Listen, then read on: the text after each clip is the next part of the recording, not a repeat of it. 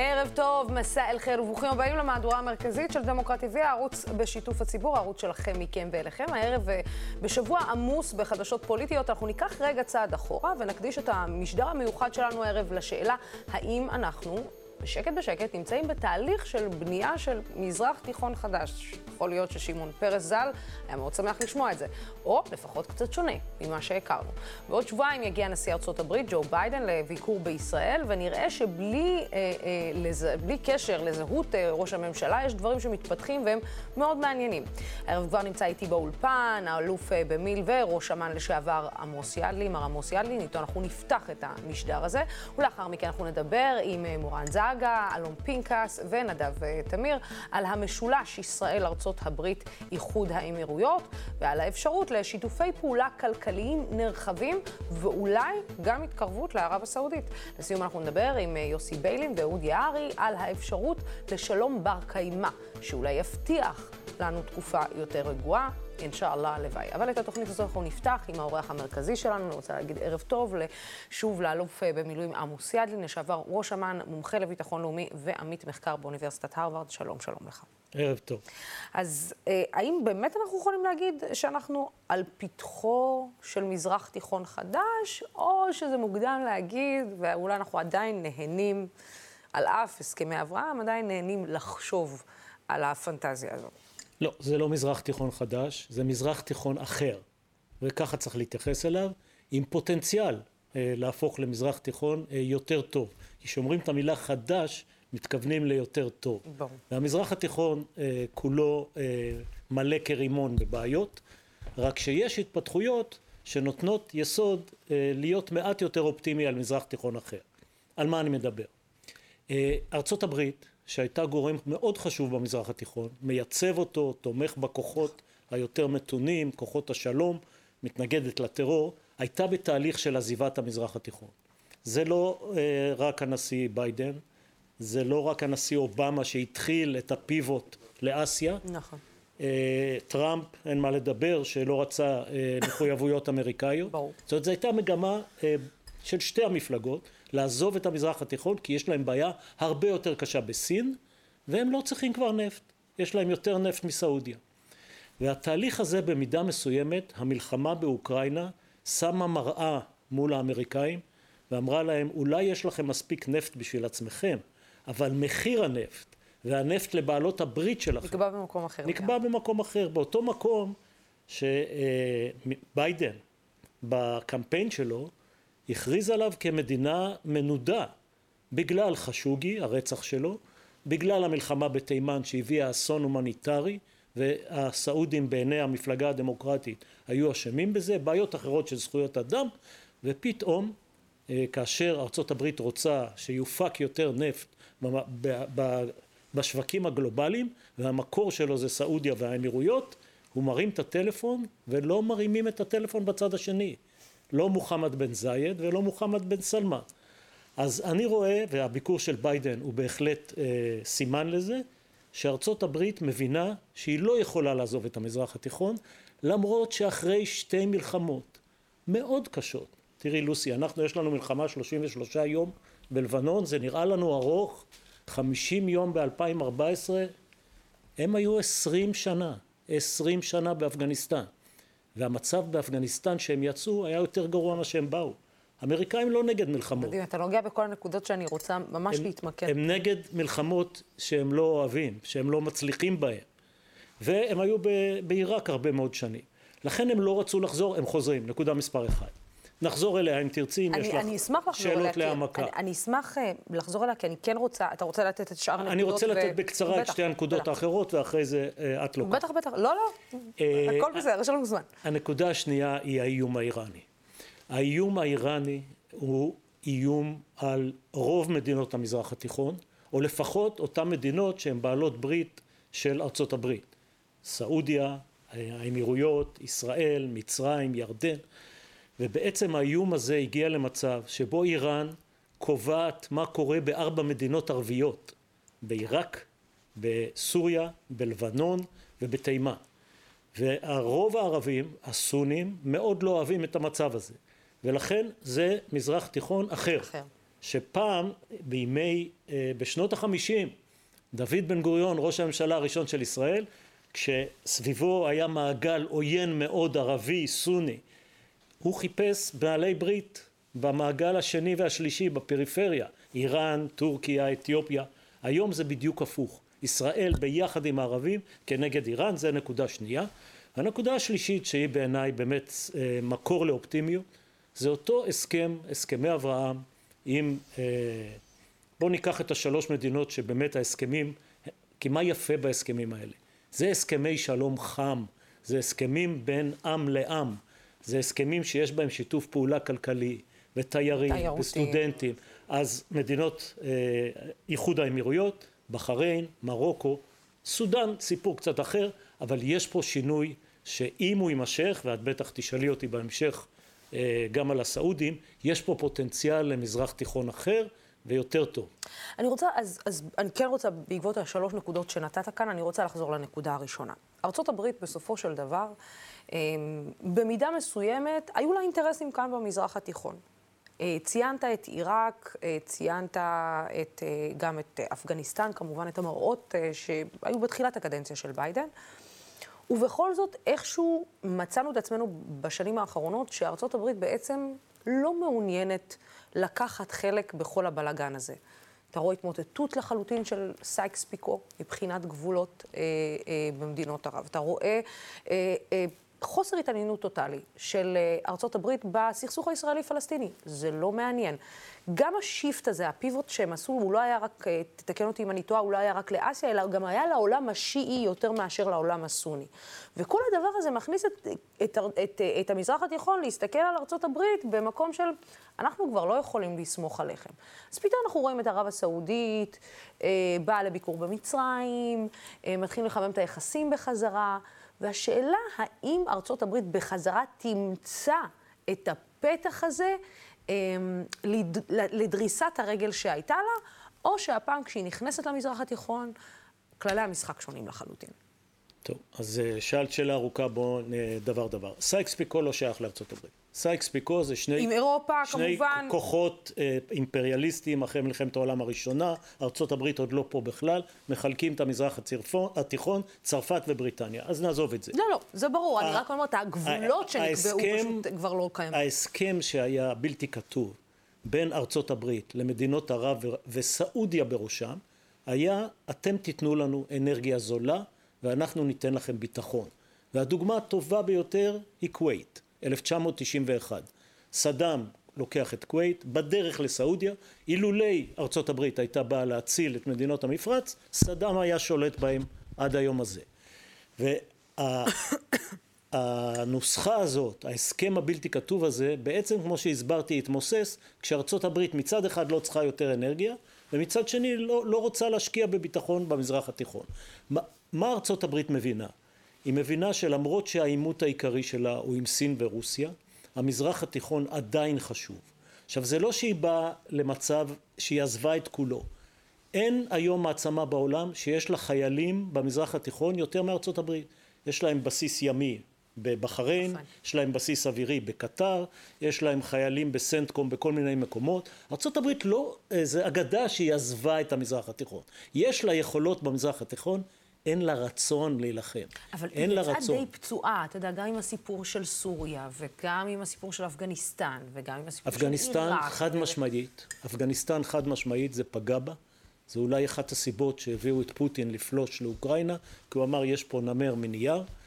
אה, בסוריה היא מרגישה לא רע, היא בעלת ברית עם ישראל שעוצרת את, ה, את האיראנים, יש להם בסיס בטנף, הם רק פשוט לא רצו לעשות פה עוד מלחמה. ואני מזכיר שצבא זה לא האמצעי היחידי של עוצמה לאומית.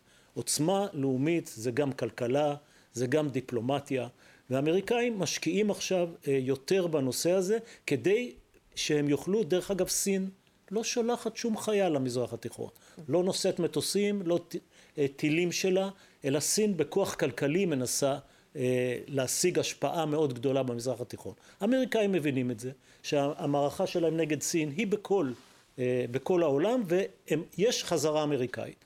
עכשיו זה בראייה האסטרטגית, בראייה המאוד טקטית ופוליטית. יש לנשיא בחירות. בבחירות אי אפשר לנצח שאמריקאי שממלא דלק בתחנת דלק צריך לשלם חמישה אה, דולר לגלון. והוא צריך להוציא בכל מילוי 100 דולר, זה, זה לא עובר באמריקה. ולכן הנשיא עושה מאמצים אדירים להוריד את מחיר הדלק. הוא גם יורד על חברות הדלק באמריקה, שיורידו את מתח הרווחים שלהם, אבל הוא נוסע למוחמד בן סלמן, זה לא יהיה לו נוח ללחוץ לו את היד, אבל אם זה יעלה במיליון או בשני מיליון חביות ביום, זה שווה לו את זה. כמה, כמה זה יעלה לו? זה, זה, זאת אומרת, האם זה יעלה לו רק בחביות, או שכמו שזה עלה לטראמפ בצ'ק מאוד מאוד שמן לגבי עסקת נשק אה, מאוד גדולה בתחנה הראשונה כשטראמפ נחת פה במזרח התיכון, וזה היה בערב הסעודית? כן, אז תראי, אה, שהם תכננו, שהם זה אנשי ממשל ביידן, תכננו את, ה, את המסע למזרח התיכון, הם רצו שהנשיא יחזור עם הישגים. וההישגים הם בשלושה מקומות. הם בישראל, הם בסעודיה, ובמידה מסוימת, אם היה אפשר, גם ברמאללה. Mm-hmm. ואם הוא היה מצליח לחזור, כשהוא אה, מביא מהסעודים הסכמה לעלייה במחירי הנפט, ובעצם הקפאה או פרישה ממה שנקרא אופק פלוס, mm-hmm. שזה הקרטל של הנפט ביחד עם רוסיה. ארה"ב מאוד לא רוצה לראות את רוסיה וסעודיה מתאמות את מחירי הנפט. אז זה ההישג שהוא צריך אה, להביא מסעודיה. אה, מישראל הוא היה רוצה איזשהו הישג בנושא הפלסטיני. בסך הכל גם הנושא הפלסטיני במצע המפלגה הדמוקרטית זה שתי מדינות לשני עמים. הוא היה רוצה לקבל משהו בתחום הזה ומרמאללה הוא, היה, הוא, הוא רוצה להביא אותם לתוך העסקה הזאת. אה, אבל אחרי שנדבר על ישראל ופלסטין ועם כל הכבוד לנו היעד המרכזי הוא באמת מדינות המפרץ. עכשיו, הוא בשני המקומות תשמע, גם בירושלים וגם בסעודיה, שיש אי נחת, אי נחת מהחזרה של ארצות הברית להסכם הגרעין. עכשיו, גם פה ביידן יש לו בחירה בין שתי אה, חלופות, כי הוא לא יכול להביא גם את השוק האיראני, גם את הנפט האיראני על ידי חתימה על ההסכם, ברגע הזה הוא אה, מאוד מעורר כעס בריאד והביקור שלו ייכשל. לכן החזרה לשיחות הגרעין היא לפחות יותר רחוק אחרי שהוא יסגור קודם את העסקה עם הסעודי. מה הסיכוי בעצם שאנחנו נלקחים בחשבון בעניין האיראני?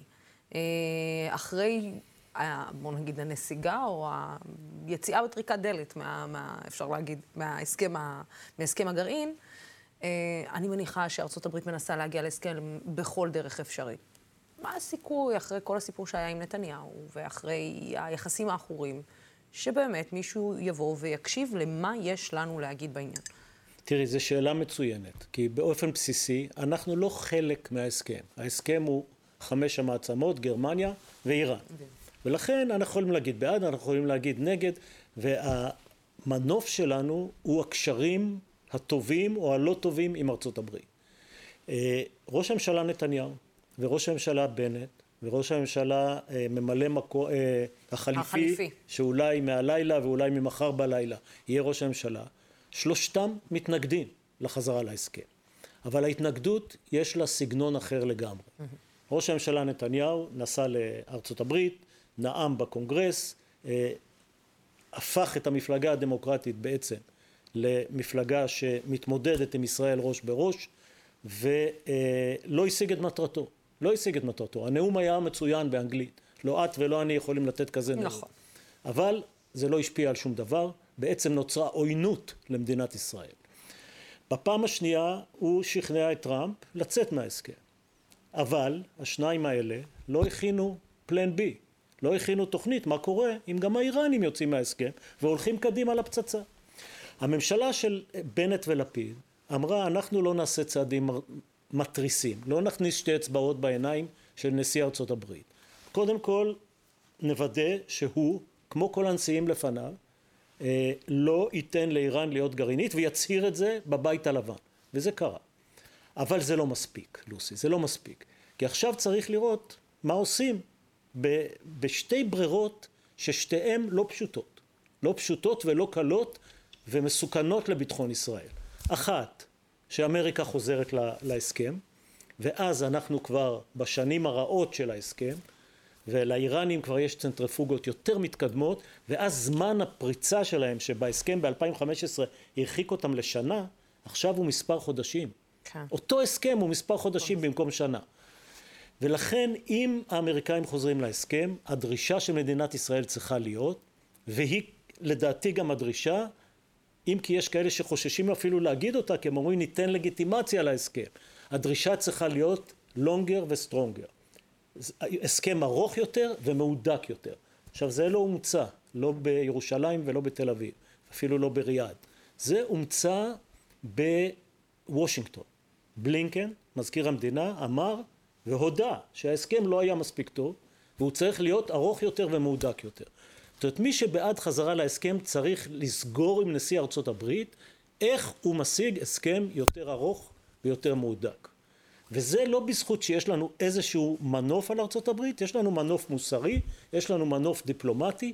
היום הנשיא צריך להיות זהיר גם עם החלק במפלגה הדמוקרטית שהוא יותר קרוב למרכז, ויש לו ביקורת על ההסכם הזה, הייתה לו ביקורת גם ב-2015, ולכן הכוח שלנו הוא בדיבור, הוא בהסבר למה אנחנו חושבים שהחזרה להסכם מסוכנת. מי שלא רוצה לחזור להסכם, צריך להציג לממשלת ישראל שיש לו מודיעין מספיק טוב לדעת מת, מתי האיראנים אה, פורצים קדימה, שלה. מתי הם מפתחים קבוצת נשק, ויש לו תוכנית מבצעית גם לטפל בזה. מר ילדין, בואו רגע נסכם את הנקודה האחרונה ורגע נדבר על, אה, על אה, ערב הסעודית. ערב הסעודית, אפשר להגיד שמדינת ישראל הייתה מאוד רוצה שערב הסעודית תצטרף לאותם הסכמי אברהם, אבל אנחנו גם יודעים שהדבר שמונע אולי, הדבר, אחד הדברים החשובים שמונעים מערב הסעודית להצטרף לתוך ההסכמים הללו, זה העניין הישראלי-פלסטיני. והשאלה... בעודו בן סלמן מנסה לנהל איזושהי נורמליזציה כזאת או אחרת, איך אומרים בערבית, מן תחת الطاولة עם ישראל, מתי הנורמליזציה הזאת תעבור מעל השולחן, בגלוי, אה, ומתי אנחנו נתבגר ונגיד, אוקיי, אנחנו לא יכולים להמשיך להגיד, יש פרטנר, יש, אין פרטנר, יש פרטנר, ולהבין שזה חלק מפתרון הבעיה במזרח התיכון. תראי, אין לי אשליה שאפשר לפתור את הסוגיה הפלסטינית מחר בבוקר, גם אם נמנה אותך לראש ממשלת ישראל. זה, לא, זה ממש קשה. את אפילו תתקשי פרס נובל, לדבר עם כן, החמאס, כן. ו, וגם אם אה, ברמאללה ייתנו לך פחות או יותר איזה הסכם, לא יוכלו אה, אה, ל, ליישם אותו. יש בעיות מאוד קשות. עדיין, אני חושב שיש מרחב תמרון.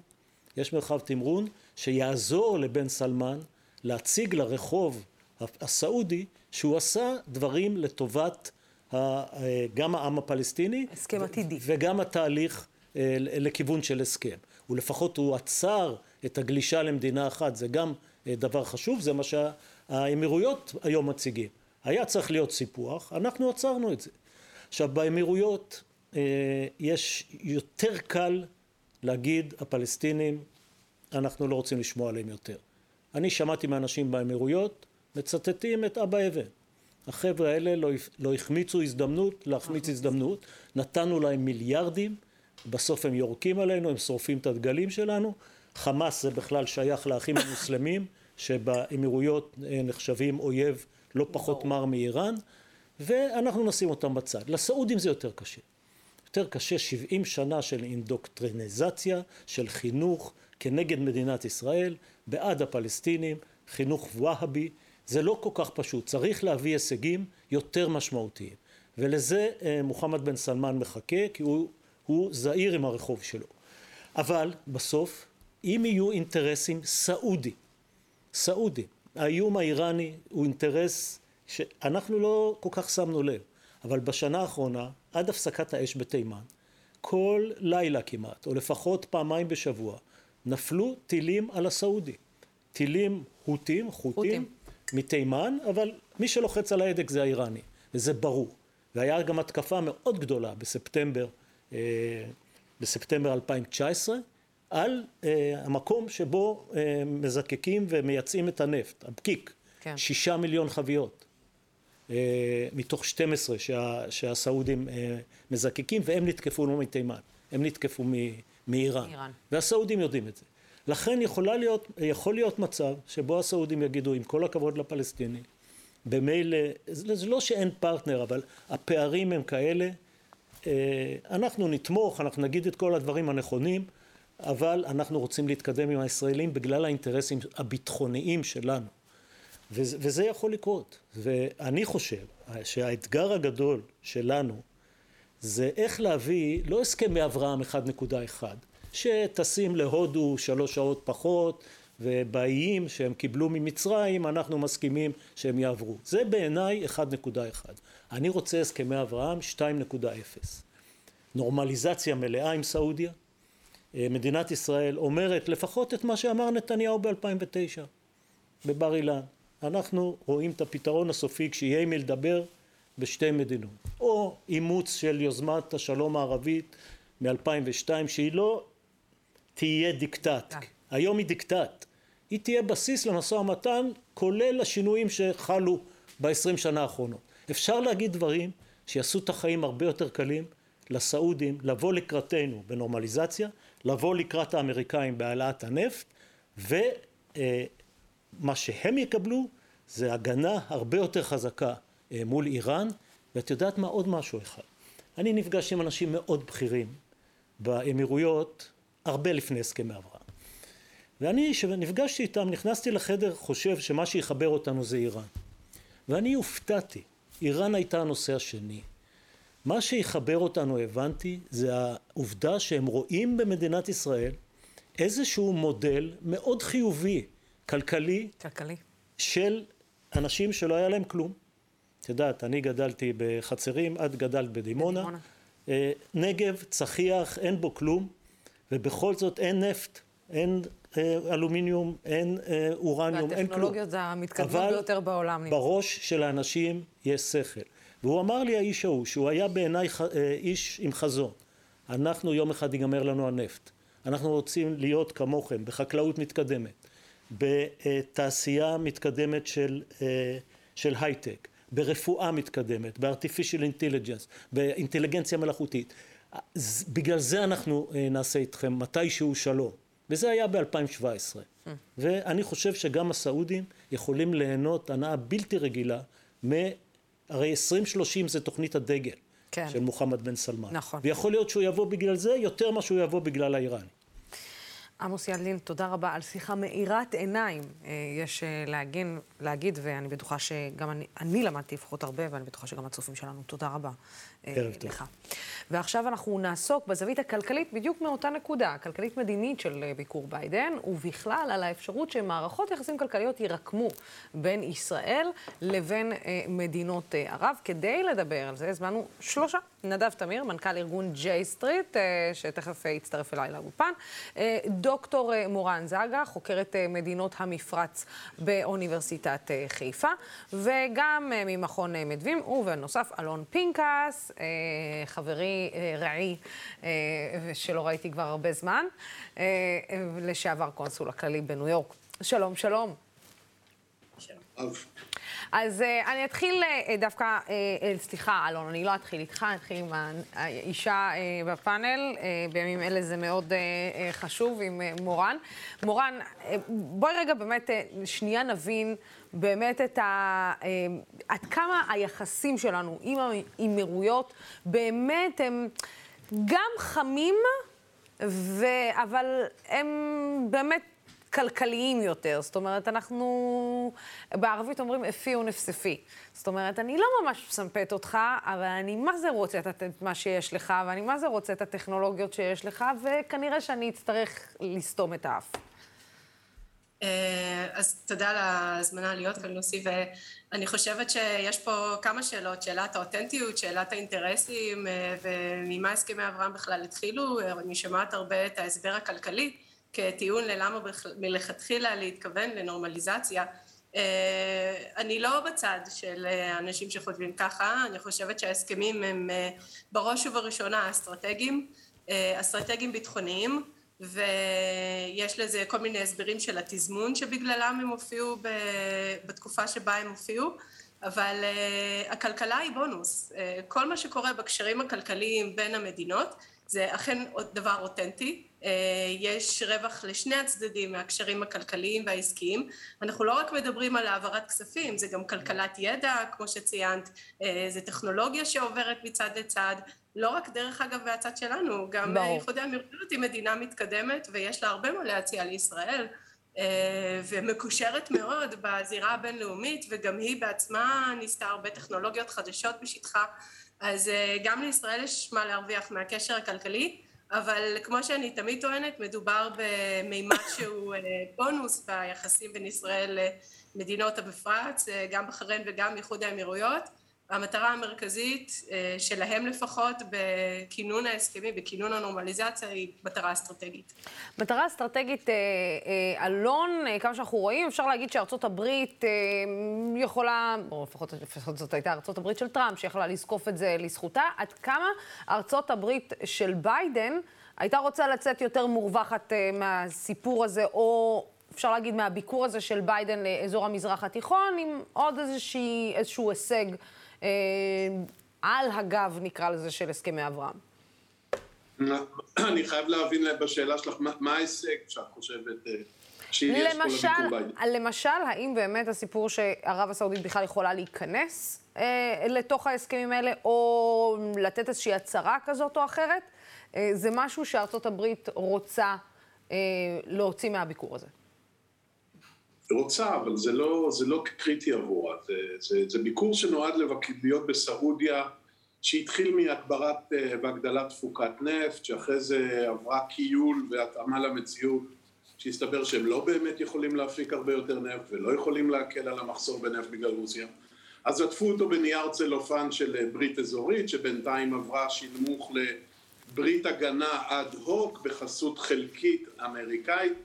זה לא כזה ביקור חשוב, לא, לא, אני לא אומר לך לא להקדיש לו תוכנית, כי כבר הקדשת, אבל זה לא כזה ביקור חשוב. אתה יודע, אלון, אני, אני תמיד שמחה שאתה מגיע, אז אתה מוריד פשוט את כל, ה, את כל התכנונים שלנו כאן, לא, ואת כל ה... אז אני פשוט אבטל את התוכנית, וזהו, אלון, כאילו, מה?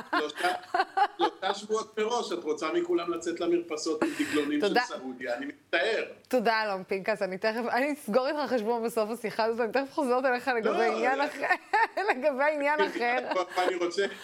שלא, שלא תחשבי, רגע, אני רוצה להוסיף. אני לא מצ... אני לא, תראה, אני לא מצפה הרים הגבעות uh, מהביקור הזה, זה ברור. Uh, בוא נודה על האמת, מגיע נשיא לא. עם מצב אולי יותר טוב בעקבות כל הסיפור הזה של ההפלות, מגיע קצת יותר טוב ממה שהוא היה בו שנייה לפני, אבל הוא מגיע במצב שהוא לא מי יודע מה נהדר. זה לא קשור למצבו. גם אנחנו לא. במצבנו לא מי יודע מה במצב uh, uh, טוב. כמו שאתה ציינת, גם העניין כמובן של הנפט והמלחמה בין אוקראינה לרוסיה. אז אני מנסה להבין, אם אתה אומר שהביקור הוא לא כל כך חשוב, אז בשביל מה? אז למה, למה זה חשוב להגיע? בשביל הפרוטוקול?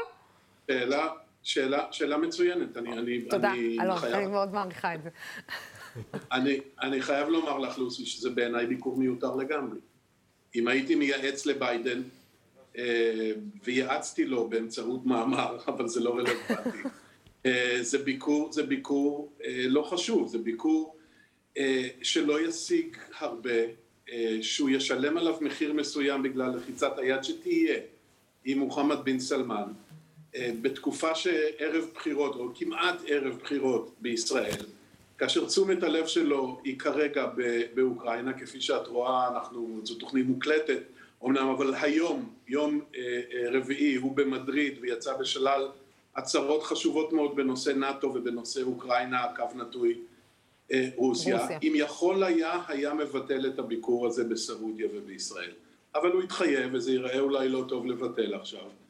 אז, אז הוא מקיים את הביקור. אני מזכיר לך שהביקור הזה גם נדחה פעמיים. אז כן. אה, אני, אני לא, תראי, על פניו, אה, הוא יכול להשיג הישג מן הסוג של לזמן את מוחמד בן סלמן ואת ראש הממשלה המיועד, בהנחה שיהיה מר לפיד, אה, לפגישה בבית הלבן בוושינגטון נניח בתחילת ספטמבר או אמצע ספטמבר אה, כדי לבצע איזה צעד פומבי הצהרתי אם כי לא ממשי בכיוון של נורמליזציה ואז לעטוף אותו כחלק מהבנות אזוריות לאזן את ההשפעות השליליות של איראן. באמצע אולי כן אולי לא יהיה הסכם עם איראן ואז רטרוספקטיבית הוא יוכל להגיד שהביקור שלו, כפי שמראש נאמר בתוכנית של לוסי אריש, היה חשוב. אבל כרגע, שאנחנו שלושה שבועות לפני הביקור, אני חייב לומר ביושר שאני מתקשה לראות את החשיבות של הביקור. נו, אז אה, בוא נשאל אותך, נדב אה, אה, תמיר כאן באולפן, האם באמת יש חשיבות לביקור הזה, או שזה לא ביקור כל כך חשוב, כמו שאלון אומר, וצריך לסמן וי, כי גם דחינו את הביקור הזה פעמיים, ובוא נעשה את זה על אף המצב הלא ברור במדינת ישראל. אני באופן נדיר לא מסכים עם אלון. אני חושב שזה ביקור מאוד חשוב. אני חושב שהעובדה שארצות הברית באמת נטשה את המזרח התיכון אה, מבחינת boots on the ground, אה, כן. אה, ובגלל המלחמות הכושלות, בגלל השינוי במצבה האנרגטי, הוא היה מוגזם, כי דיפלומטיה עדיין אפשר לעשות, והם לא היו קיימים פה גם מבחינה דיפלומטית. ואני חושב שהעובדה שהדיפלומטיה האמריקאית חוזרת לפה, היא מאוד מאוד חשובה והיא ממלאת פה ואקום שהוא גם לא טוב הברית כי בסוף סין ורוסיה נכנסים לוואקום הזה אה, ולמי ובעיקר אה, לאנשים כמוני שרוצים גם איזושהי תזוזה בנושא הפלסטיני זה לא יכול לקרות בלי ארצות הברית. ברור לי שהסיבות שהוא הגיע הם לא בגלל הנושא הפלסטיני הסיבות שהוא הגיע הם גם בגלל הפוליטיקה הפנימית כי יש אה, בחירות אמצע, ותמיד טוב להיות בישראל לפני בחירות אמצע, וגם השאיפה להראות לאמריקאים שהוא עושה משהו בנושא מחירי הנפט והאינפלציה שהוא יכול, אה, אה, שהוא, שהוא בשביל זה נוסע לסעודיה, וגם העובדה שהוא לא הצליח עד כה להגיע להסכם הגרעין, לחזור להסכם הגרעין עם איראן שהוא מאוד מאוד רצה והוא חשב שבסיטואציה כזאת שאין חזרה להסכם הגרעין צריך בכל זאת לעשות משהו. גם כדי לייצר leverage שאולי כן יחזיר את האיראנים למשא ומתן וגם כדי שייתן איזשהו פתרון לאיום האיראני בהיעדר הסכם אה, שאני בניגוד לממשלת ישראל כמו שתיאר ידלין את ממשלות את, שכל עמדות ממשלות ישראל היו נגד ההסכם אני חושב שההסכם הזה הוא היה טוב מאוד למדינת ישראל והיה לנו הזדמנות לבחון אותו כי ראינו מה קרה מאז שטראמפ יצא מההסכם וכמה שאיראן התקרבה אה, ליכולות גרעיניות מבחינת אורניום, אנחנו עוד לא יודעים אה, מבחינת אה, נשק. בסוף עמוס אמר שאולי צריך כן. ללכת לעסקה מהודקת יותר, ארוכה יותר. אי אפשר, אתה קודם צריך לחזור להסכם שהיה, כמי שפרש זה ארצות הברית, ולכן האיראנים אומרים קודם תחזרו למה שהיה, לפני שאתם רוצים שנדבר על longer and stronger, אני מסכים עם... עם, עם האלוף ידלין שצריך longer and stronger, אבל, אבל זה אשליה לחשוב שאפשר לדרוש longer and stronger לפני שאתה חוזר קודם כל להסכם שממנו ארצות הברית פרשה. ולכן קודם כל צריך להיות חזרה. Uh, הביקור של uh, uh, מישהו נחשב שר החוץ האירופי, הנציב למדיניות חוץ, שהגיע להסכמה עם האיראנים שחוזרים למשא ומתן לא ישיר, אבל בין, בין האמריקאים לבין האיראנים בקטאר, בתיווך של האיחוד האירופי, הוא מראה שיכול להיות שיש בכל זאת אפשרות לחזור להסכם הגרעין עם איראן, כמובן שבסוף זה יצטרך להיות בווינה כי יש לזה עוד חברות להסכם הזה וארצות הברית היא, היא רק חלק ממנו אבל uh, אני חושב ש, שחוסר היכולת לחזור להסכם הגרעין עם איראן בנוסף לסיטואציה עם אוקראינה שיצרה צורך באנרגיה ובחירות המיד טרמס נתנו לו הרבה סיבות לבוא ואני כישראלי מאוד מקווה שהוא אכן יעשה משהו גם בסוגיה הפלסטינית. וצריך לזכור שזה היו הסעודים שהציעו את אותה אה, יוזמה ערבית, ערבית הסכם אה, יוזמה ערבית שההתעלמות הישראלית מהיוזמה הערבית הזאתי בעיניי היא כמעט שקולה להתעלמות הפלסטינית מהצעת החלוקה של האו"ם. זו הייתה טעות קשה של ממשלות ישראל והגיע הזמן שנתקן אותה ויכול להיות שביידן יכול לעזור לנו אה, לחזור לאיזשהו אופק מדיני על ידי קבלה של הפרמטרים ביוזמה הסעודית. מורן, אה, אה, באמת אה, בוא ניקח את הנקודה האחרונה הזאת בכל מה שקשור לסוגיה הפלסטינית. אנחנו יודעים שבוא נגיד שאיחוד האמירויות ומדינות המפרץ חטפו לא מעט ביקורת ברחוב הערבי אצלהן על כך שהן נכנסות לנורמליזציה עם ישראל בזמן שהפלסטינים עדיין נמצאים תחת כיבוש ישראלי. והשאלה בסוף, האם באמת אולי הדרישה תבוא גם מאותן מדינות שכבר חתומות איתנו על הסכם, מארצות הברית, להפעיל את הלחץ הזה של כן לנסות להחזיר את הסיפור הפלסטיני, לקדם אותו לפחות בסדר היום. אה, היחסים בין האימראטים לבין הפלסטינים הם מאוד מאוד מורכבים כי הם כוללים גם איזשהו אה, מימד אה, פרסונלי אישי שלא כל כך מדברים עליו של נתק ב... ביחסים בין, לפחות שהיה עד לא מזמן, בין אבו מאזן לבין אה, אה, מוחמד בן זייד, בן זייד, אה, שכולם כבר מכירים, ואני חושבת שאחרי עשור פעם ראשונה נוצר קשר בין המנהיגים כשאבו מאזן הגיע לנחם את מות הנשיא, ו... ואולי זה יכול לסמן התחלה של התקרבות של האמרתים לתוך הדבר הגדול הזה שנקרא הסכסוך הישראלי-פלסטיני. עד היום כביכול חשבו שיש נתק בין הסכמי אברהם לבין הסכסוך הישראלי-פלסטיני והניסיון להיכנס לאיזשהו משא ומתן ואיחוד האמירויות כמגשרת. אני חושבת שאיחוד האמירויות תמיד שמה לה את זה כמטרה וכל השאלה הייתה איפה היא בתוך התהליך הזה, האם היא מובלת על ידי ערב הסעודית שהגיעה בתפקיד המסורתי שלה כמנהיגת, מובילת העולם הערבי, כזאת שמציעה את היוזמה הערבית ובשנים האחרונות זה השתנה. צריך להבין גם את התחרות ואת היחסים שיש בין איחוד האמירויות ובין ערב הסעודית ואנחנו רואים שבתחרות הזאת בלפחות שלוש שנים האחרונות מאז אירועי חשוקג'י ותימן איחוד האמירויות היא קצת עם היד על העליונה. צריך להגיד את ה...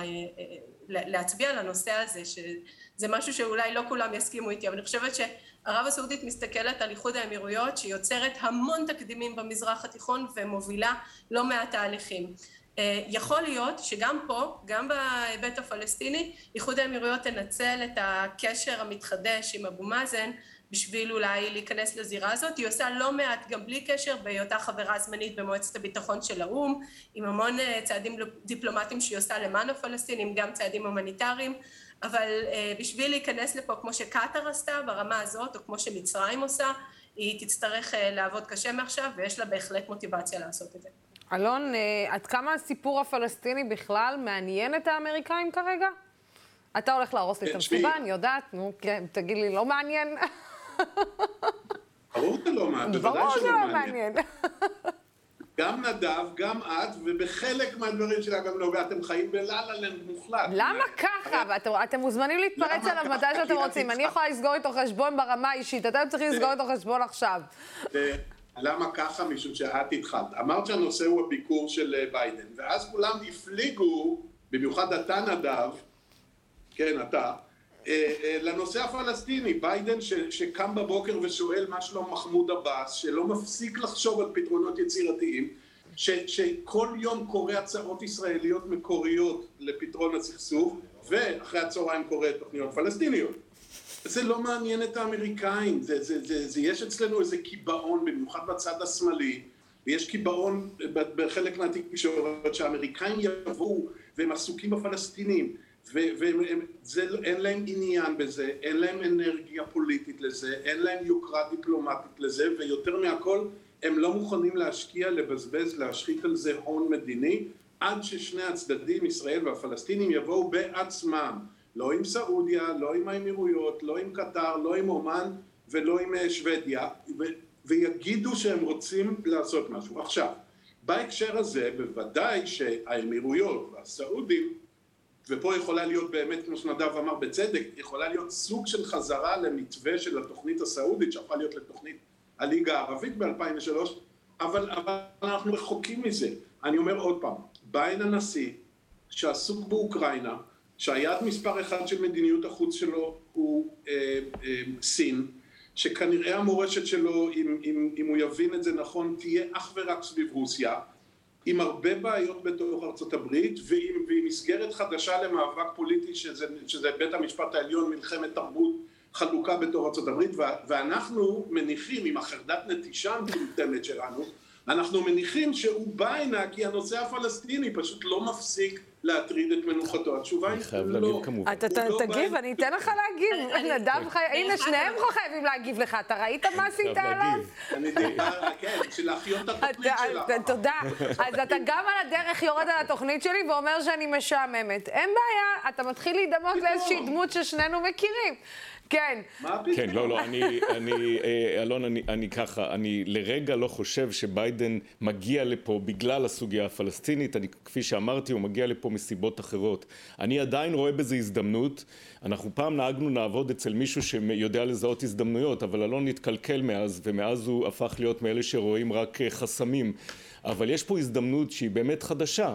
אה, זה, נכון שזה אוקראינה שגרמה לביידן פתאום לחשוב מחדש על המזרח התיכון, לא רק אוקראינה דרך אגב, אלא גם התחושה שהוא באמת לא יכול לקדם שום דבר אצלו בבית, הוא חסום כי אין לו אפילו את כל המפלגה שלו כדי לקדם ולכן הוא מבין שיכול להיות שהלגאסי שלו הוא דווקא במדיניות חוץ, הוא רואה שאת נאט"ו הוא כן הצליח אה, לאחד, הוא רואה שעכשיו שוודיה ופינלנד מצטרפות אחרי שנים שנאט"ו איבד את הכיוון, הוא מרגיש שדווקא במדיניות חוץ יכול לקרות משהו. עכשיו ברור לגמרי שלא המפל... ממשלת המעבר שלנו ולא ההנהגה הפלסטינית שאיבדה את הלגיטימציה שלה הפנימית יכולים כרגע להיכנס למשא ומתן, לא מדובר על זה, מדובר על יצירת אופק מדיני.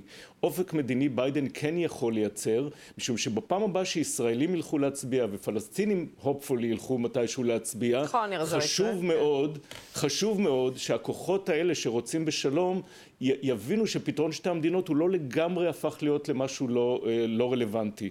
ואני חושב שבעניין הזה ביידן כן יכול לעזור לייצר אופק מדיני, גם אם זו לא הסיבה העיקרית שהוא הגיע, וגם, וגם ראינו עכשיו בפגישה שהייתה אה, אה, בבחריין, שפתאום גם ממשלת ישראל, אולי בגלל השינוי של לפיד ובנט, פתאום כן הזכירה את נושא פתרון שתי המדינות, אחרי שבפסגה בנגב זה בכלל לא הוזכר, ולכן יש פה איזו הזדמנות.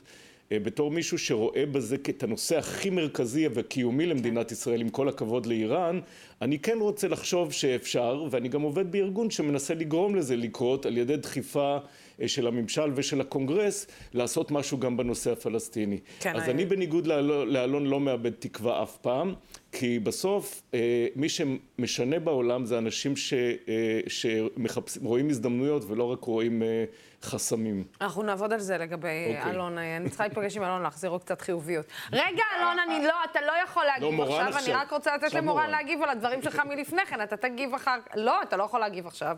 קודם כל מורן. מורן, תגיבי בבקשה. אני מחזקת את אה, נדב תמיר ידידי, אני חושבת שבאמת אה, הנורמליזציה, הפלסטינים, כל הנושא של... אה, כל הנושא שמסביב למחירי הנפט והעלאת התפוקות הנפט אה, זה, זה, זה בשוליים של הביקור. אה, עד היום אה, ממשל ביידן בכלל לא הפנה את תשומת ליבו הדיפלומטית, הביטחונית, whatever, לאזור מדינות המפרץ. יעידו הבכירים, הסעודים והאמירתים, שניסו להיפגש עם בכירי הממשל, ותמיד הביאו להם איזשהו דרג נמוך. ו- ו- ועד היום מתלוננים ש- שארצות הברית בכלל לא מבינה את חשיבות האזור הזה מאז כניסתו של ביידן לאזור. מה קרה שפתאום כן ביידן מגיע לפה? מה קרה שפתאום כן הוא מנסה לקדם משהו? out of the blue. אז אני מסכימה שכל הדברים האלה נשמעים, נשמעים כמו תפאורה נחמדה למטרה המרכזית שהיא העלאת תפוקות הנפט ומחירי הנפט ומה שהסתבר לו בלחישת האוזן של, של נשיא צרפת.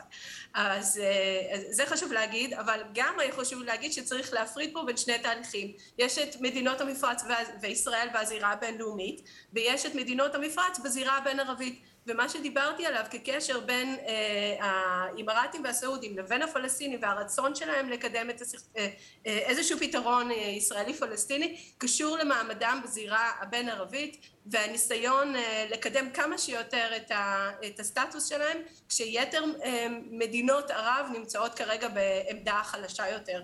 הן מנסות לפרוץ קדימה. זה התהליך שלהם, הם ינסו להשיג את זה בכל, אה, בכל דרך ש, שהיא לדעתי, ואם כרגע יש הזדמנות, יכול להיות שהם יעשו את זה. ואם לא בשם אהבת מוחמד, אז איך אומרים את זה? כן, כן, לא מאהבת... שם מריאל כן. פוליטי. כן, כן. כן. אלון, אתה רוצה להגיב? לא, זה, זה, מה שנאמר פה זה לגיטימי, רק בעיניי לא, אין לזה שום קשר לביקור של ביידן, אבל אז, בסדר, מותר לחשוב. אז ממש לא. ממש... אני, ב... לא, לא, אני לא אומר את זה בסרקסטיות, אני אומר באמת, זה ניתוחים לגיטימיים ונכונים לחלקם הגדול, אני גם מסכים איתם. אני גם, אני גם לא אחראי על חסמים ונדב לא אחראי על התקווה, כמו שהוא אמר. אה, הוא מתכוון, האיש שעבדנו אצלו, הוא מתכוון לשמעון פרץ, אבל הוא שכח שגם עבדנו אצל אהוד ברק שנינו. אה, ולכן אני בעניין הזה, אני, אני, אני, אני מהצד השני. אה, אני, אני מסתכל על הביקור של ביידן מנקודת מבטו של ביידן, לא מנקודת מבטם לא של הישראלים ולא של האמירתים. ארצות הברית אז, אז רגע תכניס לתוך, לתוך הדברים שלך, סליחה שאני מתפרצת, אה, תסכם לי עד כמה ביידן מגיע אה, חזק בכלל, אה, איש, גם מבחינה בתוך ארצות הברית, עד כמה הוא מגיע בכלל חזק למזרח התיכון? אני אגיד לך, אני אגיד לך תשובה שהיא נראית סותרת, אבל היא לא, אפשר ליישב בינה. מצד אחד זו שאלה לא רלוונטית, כי, הוא לא עומד לבחירה עד נובמבר 24. אני, אני אפסיק להזמין אותך, אני נשבעת לך שאני אפסיק להזמין אותך. אוקיי, בסדר, אז תני לי את הפעם האחרונה להגיד את אוקיי. הצד השני. כן, כן. מצד שני, אה, הוא הרבה יותר חזק מכפי שנדמה, בטח בשבוע האחרון.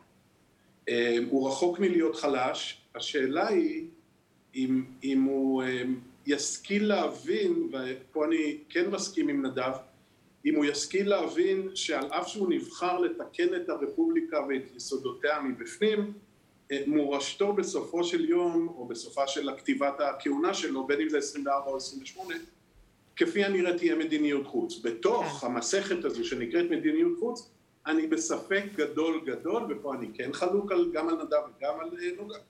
אה, על מורן, סליחה, אני כל הזמן אומר נוגה, למה על מורן, סליחה. אה, זה לא המזרח התיכון, זה יהיה פוטין, אם זה עד 24, וזה יהיה סין אם זה עד 2028. תשכחו מזה, נדב, אתם והפלסטינים תחליטו ביחד שאתם רוצים לעשות אה, אה, אה, תהליך מדיני. אל תצפו שאיירפורס 1 יבוא ויחלץ אתכם, נגמרו הימים האלה. אה, ועם זה, אני אתן לך להתקשר אליו ולסגור איתך איתו עניינים. מורן, את מוזמנת אם את רוצה לבקש ממני את מספר הטלפון של אלון פינקס ואת יכולה להתחשבן איתו באופן אישי. אני הולכת לעשות את זה גם בהודעות קוליות. הוא אוהב, הוא מת על הודעות קוליות דרך אגב. אה, אלון, אני לא רוצה לשמוע כלום, אני לא רוצה לשמוע שום מילה, אה, שום דבר, אנחנו, נגמר לנו הזמן. הם יודעים שאת ביקשת ממני להיות בכוונה כזה כדי לעורר את הדיון, כי פחדת שהם לא יהיו מספיק ערניים. ברור, ברור, חכה חכה, כמו שאומרים. תודה רבה, אה, מורן, תודה רבה, נדב, תודה רבה, אלון אה, פינקס. ועכשיו לחלק האחרון של התוכנית, אנחנו נדבר על הזוויות, אה, הזווית המדינית של ביקור ביידן, ועל האפשרות להתפתחות שתביא לשינוי אזורי כולל, על אף שאלון פינקס כאן פשוט פסל כל דבר כזה. אני רוצה להגיד לערב טוב לאהודי ארי, פרשן חדשות 12 לענייני ערבים. שלום, שלום לך. וגם ליוסי ביילין, שר המשפטים לשעבר. שלום, שלום גם לך. ערב טוב. אז אה, אה, אהוד, אני רוצה להתחיל איתך, ב, נגדיר את זה בהתחממות אה, המחודשת בין אה, מצרים לבין ערב הסעודית, ומה זה, איך שהוא אומר, הביקור ש, שבעצם אבן סלמן מגיע ל, ל, למצרים? היחסים בין מצרים וסעודיה טובים. סעודיה והאמירויות מפרנסים את מצרים בעשרות מיליארדי דולרים כל שנה, כולל השנה הזאת. פה אין חידוש. הדבר שעומד על הפרק הוא לא מה שאצלנו בתקשורת מסתובב, ברית הגנה אזורית וסיפורים אה, מן הסוג הזה, אלא לבנות בהדרגה, עקב בצד אגודל, איזה מערכת של שיתוף פעולה בין ישראל והמדינות הערביות המרכזיות, אני לא אמנה אותן עכשיו, תחת המטריה של פיקוד המרכז האמריקאי סנטקום שאחראי על המזרח התיכון. זה דבר רציני, זה דבר חשוב, זה יכול לקרות, זה לא יקרה אם ימשיכו לדבר על ברית הגנה. נאט"ו מזרח תיכוני לא יהיה. יוסי, אה, כשאנחנו בעצם, אה, אה, אני לא יודעת אם יצא לשניכם לשמוע את השיחה שלפני כן, בה אלון פינקס אומר, הישראלים או הפלסטינים או מי שזה לא יהיה, יכולים לבנות הרבה על הביקור הזה של ביידן. אנחנו לא ממש, או הסיפור, אני אהיה יותר ספציפית, העניין הישראלי-פלסטיני לא ממש מטריד את ביידן בשום צורה שהיא. אז בעצם למה לנו, אה, למה אנחנו מתרגשים, או למה אנחנו, גם כשאנחנו בתקופת ממשלה שהיא ממשלת שינוי, ולא ידוע מי ראש הממשלה, ואיך יהיה ראש הממשלה, ומתי אנחנו הולכים לבחירות, למה בעצם חשוב לנו הביקור הזה? יוסי. קודם כל, כל, כל ביקור אה, של נשיא אמריקאי באזור, ובוודאי בישראל, חשוב לנו. ואנחנו נערכים ומתמרקים לכבודו. ולא פעם אה, בצדק, ויש לזה תוצאות מסוימות, אה, לפעמים זה סתם לשמור, או לא סתם, אלא לשמור על קשר עם המעצמה היחידה אה, בעולם, ועל יחסים טובים וגם אישיים עם מי שעומד בראשה. אבל פה יש שינוי, והשינוי שחל כאן מאז שהוכרז על דבר הביקור ועד קיומו של הביקור עצמו, הוא חילופי ראשי הממשלה בישראל. מבחינת ביידן זה כמעט יום ולילה. אה, נכון שהוא מאוד רצה אה, לשמור ולסייע גם לראש הממשלה הנוכחי, אבל יהיה לו הרבה יותר נוח לדבר מול, מול לפיד.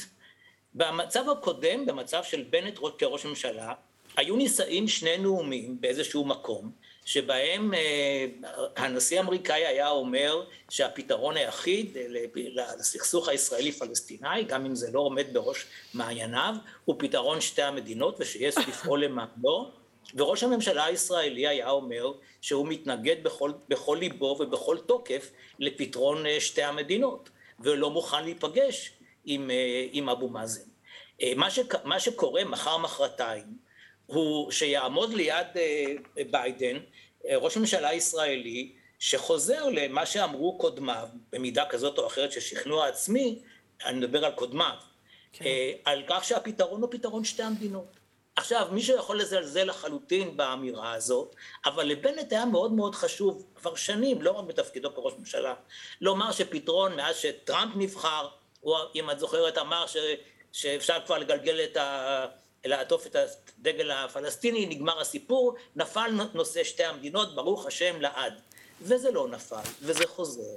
ואני חושב שזה במידה רבה מאוד תלוי בלפיד. כלומר, אם לפיד יאמר לביידן, תראה, אפשר בוודאי לדבר על שתי מדינות, אין בעיה, אבל תעשה לי טובה, אל תעשה מזה עניין כזה גדול, כי אני צריך אה, לנצח בבחירות הבאות, אה, אתה לא רוצה את ביבי, ותן לי לנצח, הדרך היחידה שבה אני יכול לנצח זה לטפל בענייני פנים ולא להתייחס בכלל לסכסוך הישראלי-פלסטיני. ולהפך, אם, אם אה, ייאמר על ידי לפיד שהוא היה רוצה, למשל, להשתתף אה, בפסגה אה, אזורית עם סעודיה, יחד עם אבו מאזן, מתוך הערכה שזה גם תורם לגופו של עניין וגם יוצר גלים, ושזה מחזק את התמיכה בו בתוך המחנה שלו, והוא זקוק מאוד להוצאת אנשים לקלפיות, כי זאת, זו הסכנה הכי גדולה, שהמחנה הגדול של מרכז שמאל יישאר בבית בחלקו. אז ביידן יכול מאוד להיות שיהיה מוכן לזה. כמו שיכול מאוד להיות שאחרי ההישג הגדול של ביידן בצירוף של פינלנד ושוודיה לנאטו, ואחרי הנכונות הטורקית לקבל אותם, שזאת גם העמדה הבעייתית של טורקיה כלפי ישראל כל השנים בנושא של כן. נאט"ו, יכול מאוד להיות שהאפשרות של ישראל כמועמדת להצטרפות לנאט"ו היא לא דבר בלתי אפשרי וגם זה יכול להיות הישג גדול, כך שהביקור יכול להיות הרבה יותר מעניין ממה שהוא יכול היה להיות אילו זה היה בנט.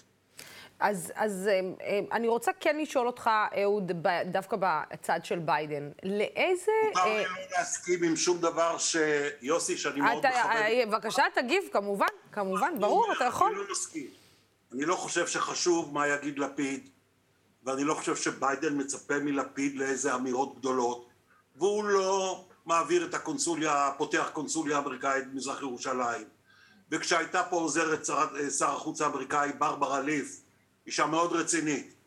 אבו מאזן חטף ממנה הרצאה, תתחיל להתנהג ילד.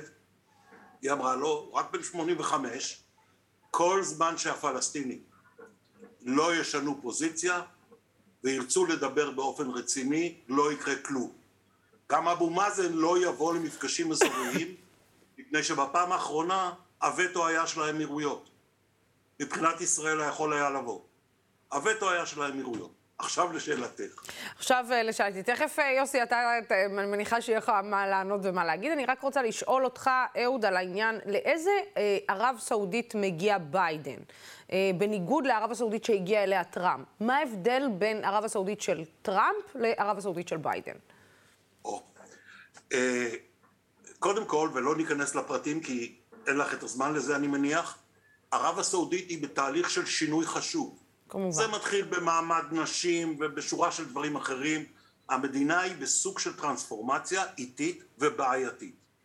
הדבר השני, בואי לא נשכח שביידן סירב לדבר בטלפון עם MBS, עם מוחמד בן סלמן, יורש העצר והשליט כן. בפועל של סעודיה, בעצם הכריז עליו כמצורע, ועכשיו כמו ארדואן קודם, הוא בא לנשק את ידו. תן עוד קצת נפט לאירופה. אה, והסעודי, אה, MBS כבר עשה סיבוב ניצחון בכמה בירות באזור כדי לומר חברים אתם מתכוננים לראות אותי מושיט את היד לביידן כן אני אומר את זה באופן אה, אה, ציורי כן. אה, אני חושב שהאמריקנים חושבים במונחים בוא נגיד ככה אני חושב שאני יודע שהם חושבים במונחים של יצירת איזה שותפות אזורית כמו שדיברתי איתך קודם, אבל כן. לא ברית, לא משהו פורמלי והדברים האלה. זה דבר מאוד גדול. תשימי לב, האמריקאים אה, הקימו כוח משימה ימי בים האדום, לא היה להם קודם. הם משנים את הפרופיל של הצי החמישי במפרץ הפרסי, מעלים פרופיל, אה, מעלים רמה. אה, הם מרגישים שיש להם היום אפשרות לעבוד בגלל אותה התקרבות בין ישראל למדינות הערביות. צריך להגיד ככה, הפלסטינים כבודם במקומם. אני מאוד בעד שלום ומאוד בעד שתי מדינות, מאוד. אני נגד מפריחי שלום. אני נגד התעשייה הזאת של מחר זה קורה, זה לא קורה מחר. והדבר המרכזי הוא שהשינוי ביחסים בין ישראל למדינות הערביות כבר לא כולו מתחת לשולחן, אבל הוא מתרחב. היחסים בינינו לבין מצרים הם לא מה שהם היו לפני שנתיים. היחסים בינינו ובין סעודיה הם לא מה שהם היו לפני שנתיים. וכן הלאה וכן הלאה. והתהליך הזה נותן לאמריקנים איזה מרכבה שאפשר להתקדם איתה. אגב, אה, יוסי, עד כמה באמת אה, היחסים האלה שבינינו לבין אה, המדינות מסביב שהשתפרו, אפשר להגיד בצורה כזאת או אחרת אולי בשנה האחרונה, או שהידרדרו עד לפני שנה, בעצם משפיע על ביקור כזה, או על הנראות לפחות מול ביידן? תראי, יש הרבה מאוד תסכול בצד הפלסטיני עם הסכמי אברהם. זה פחות או יותר הראייה ההפוכה מאשר הראייה שלנו. משום שאצלנו גם מחנה השלום וגם אלה שלא כל כך מתלהבים משלום, אה, בירכו מאוד על ההסכמים הללו. כשלעצמם, הנורמליזציה הזאת אה, היא חיונית לישראל. אה, מבחינת הפלסטינים הם ראו בזה כמעט הפניית גב אליהם. בשיחות עם, ה, עם האמירתים ועם אחרים, שאת שואלת אותם האם יש לכם עניין אה, לסייע, להיכנס לסכסוך הישראלי-פלסטיני, אה, לפעול למען זה, לקדם את היוזמה הערבית מחדש וכולי, התשובה שלהם היא תמיד אותה תשובה. אם האמריקאים יבקשו מאיתנו, אנחנו נעשה את זה. מיוזמתנו, בשום פנים ואופן לא. שוב, לכן זה כל כך חשוב, ביקור מהסוג הזה, אני לא חושב שביידן יבקש את זה מהם. אבל העובדה שהם מבינים את החשיבות של אמריקה בכל סיטואציה, והם יכולים בשלב מסוים כזה או אחר אה, להצטרף לפחות ליוזמה שתצמח, ופה אני מסכים שהיוזמה הזאת אה, תצמח משני הצדדים, אם לא, לא יהיה רצון של שני הצדדים להגיע להסכם שלום ביניהם, אה, אחרים לא יעשו את זה עבורנו. אני רק מוסיף לזה, שאם לא יהיה שלום בין ישראל ובין הפלסטינים, ישראל תצטרך, לצערי הרב, לעשות מה שעשינו בעזה, עם כל הבעייתיות וה, והמחיר הגבוה של זה, ללכת למהלך חד צדדי, כי אנחנו חייבים, אנחנו חייבים גבול בינינו לבינם, ולהבטיח שהמדינה הזאת תהיה מדינה יהודית ודמוקרטית, היא הולכת לאבד את זה, לנו אין זמן לחכות. אהוד. מותר מילה, אה, לוסי. ברור, זה, זה כללי המשחק לא, אצלנו. רק מילה. אה, אילו הייתה ממשלה רצינית בישראל. עכשיו וגם קודם. אני לא בוחן ממשלות ולב. אה, היא הייתה אומרת לביידן, לאו דווקא בביקור, אפשר לפני, אפשר אחרי, אדוני, אי אפשר כרגע להגיע להסדר כולל לשתי מדינות, אבל אפשר לעשות שיפור דרמטי במציאות, בתנאי החיים וכולי, אני לא מדבר על כלכלי. אנחנו, מוכן, אנחנו ישראל מוכנים ללכת להסדר ביניים שנקרא לו בשם אחר יותר יפה, כי הפלסטינים לא אוהבים את המילה הסדר ביניים, אה, שבמסגרתו הם יקימו מדינה על, את יודעת מה, 70-80 אחוז מהגדה ונמשיך לדבר. אין ממשלה בישראל, לא זו, לא לפיד, לא בנט, לא ביבי, ואני חושש גם לא מי שיבוא אחרי זה, שמוכנה ללכת לדבר כזה. רבותיי, אה, יוסי ביילין ואהוד יערי. אז מה, אז מרימים ידיים, אהוד? אני, אני לא מוכן להרים ידיים, אני אומר לך, אני, שאני מאוד נגד מהלך חד צדדי, אני חושב שאני לא אהיה יחיד בזה. שידרוש מהממשלה שתהיה, גם אם היא לא תהיה מוכנה להסכם שלום, ללכת על מהלך חד צדדי כזה או אחר. ולשים גבול של ממש בינינו לבינם, להציע, לאפשר להם להקים ממשלה, כמו ש, מדינה, כמו שאתה אומר, 70, 80, וואטאבר, אחוז. נתחיל אבל... 70-80 אחוז. בסדר. אבל אנחנו צריכים לבוא. יוסי, אנחנו, אנחנו ישראל, כן, לא, אין לנו ממשלה לעשות את הדברים האלה, אין לנו. אה, אנחנו צריכים לבוא ולומר למדינות התורמות שמחזיקות אה, על כתפיהן את הרשות הפלסטינית ומפרנסות אותה, אנחנו צריכים לבוא אליהם ולומר, אנחנו מוכנים להסדר גדול, בלי שהפלסטינים יוותרו על אף אחת מהתביעות המרכזיות שלהם. 70-80 אחוז מהשטח, בתנאי שהם יכריזו על מדינה, ואם אבו מאזן לא רוצה, דרך אגב אני דיברתי איתו על זה, ואם הוא לא רוצה, אז המדינות התורמות יאמרו לו סליחה, אנחנו מקפיאות את הכסף. כשאני דיברתי איתו על זה, השאלה שלו הייתה, האם אתה יכול להביא אה, החלטה של מועצת הביטחון? אמרתי לו, אני אהוד בן שולמית? בקלות. ברור שארצות הברית והאירופאים יכולים להעביר החלטה במועצת הביטחון. רבותיי, אה, יוסי, אתה... אנחנו סיכמנו. לא, לא, מה שאהוד עכשיו אומר לך, זה פחות או יותר מפת הדרכים. על מדינה פלסטינאית בגבולות זמניים. כן. והפלסטינאים ברגע מסוים בהיסטוריה אמרו לזה כן, אלוהים יודע כמה שהכן הזה היה שווה, אבל הם אמרו לזה כן. כך ש... וזה היה שרון, בזמן שרון ראש הממשלה. אז אני לא, לא הייתי מאבד תקווה שדבר כזה לא, לא יקרה. הם גם אמרו ואני... כן אה, בתקופה של אהוד אולמרט, ואז אה, דברים אה, הסתבכו לא, לא, לא, לא, לא, לא. הם אמרו כן. הוא אמר לו... סליחה, תן לי זמן, אני רוצה לחשוב על זה. כן, כן מה אתה... הוא אמר לו עוד משהו. בסוף, בתום השיחה ה-36, למיטב ידיעתי, מפיהם, הוא אמר לאולמרט, לא באתי לקבל שיעור בחשבון, כי אולמרט עשה לו שם על המפה נכון. החשבון של האחוזים של חילופי השטחים. אדוני ראש הממשלה, לא באתי לקבל שיעור בחשבון. ואז אחרי זה אובמה קרא לו, ואמר נו, וזה כבר בגלגול הבא עם קרי, ואז הוא אמר, Mr. President, I'll come back to you, and never did. כן, אה, כש, כש, זה כמו שאומרים, אה, כשבערבית אומרים אינשאללה, אה, תחכה לאותו בן אדם בישיבה, אל תחכה לו בעמידה, כמו שאומרים, כדי שלא תתעייף. יוסי ביילין. כשאומרים לשלה, זה לא.